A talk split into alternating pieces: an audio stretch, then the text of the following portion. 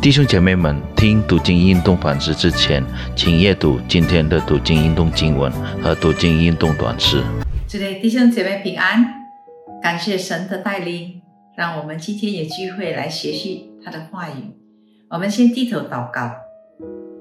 我们在天上的父，我们感谢你，因为你爱我们。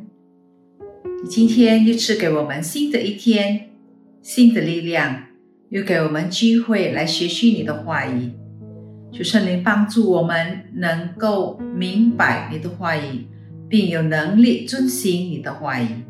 谢谢你这样祷告，奉靠耶稣基督的名，阿门。今天我们要学习的经文取自于《大利理书》第九章，主题是大而可畏和重新建造的上帝。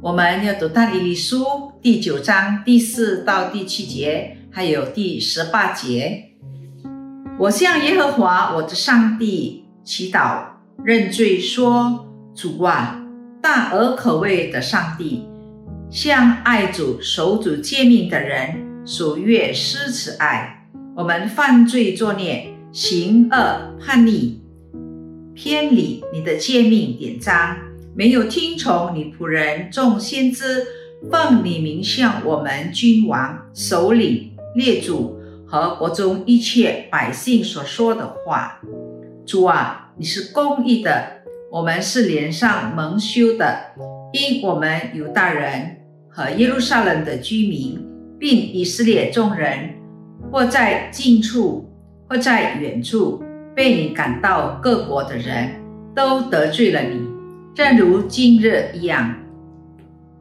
第十八节。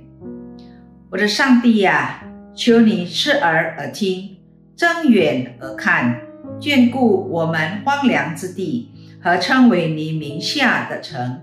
我们在你面前恳求，原不是因自己的意，乃因你的大怜悯。当你理书第九章再次强调，我们所敬拜的上帝是圣洁公义的上帝，他也是。掌管万有的上帝，那我们成为他的儿女们的责任，就是顺从他的话语，并诚心的敬拜他。圣经记载说，以色列民不遵从上帝的话语，他们常常行恶、叛逆，得罪了上帝，结果上帝就将他们赶到被掳之地来惩罚他们。北国以色列国被亚述军队击败，以及居民被掳；南部犹大国民被掳到巴比伦。耶路撒冷城本是以色列民引以为傲的象征，已经毁了，以致在但以理的时期，成为被视为人羞辱的城。的象征。在那里深深的意识到百姓所经历的处境，但他也是深信上帝是信实、守约、必公义的上帝。因此，当你以谦卑的心来到上帝面前，恳求上帝的饶恕，他知道这言不是因。他自己的意，而单单居于上帝的怜悯和恩典。上帝应允了大利林的恳求，并使大利林无见爱。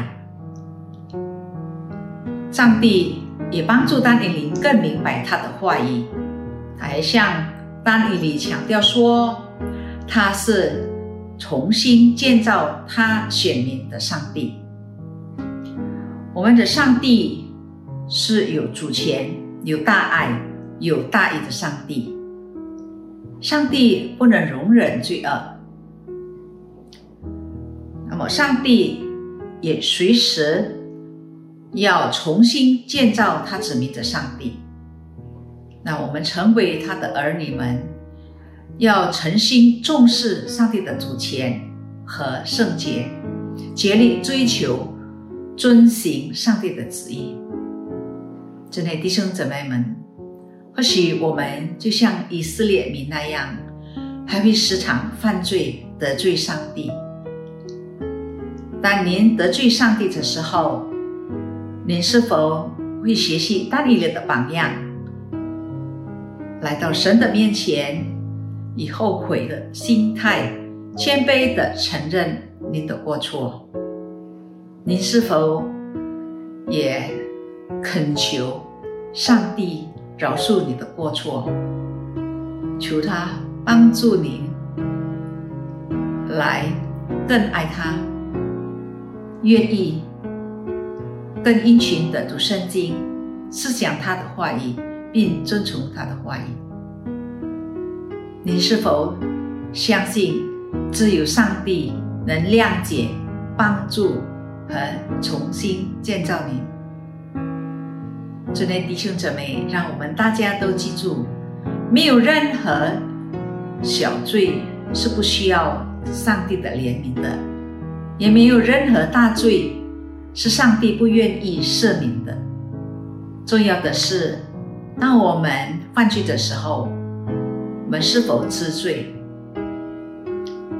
立马认罪，立志改过自新，不再重犯。我们低头祷告，天父，你已经让我们学习了大地里的榜样，求的帮助我们。要像大尼里一样，和你有亲密的关系。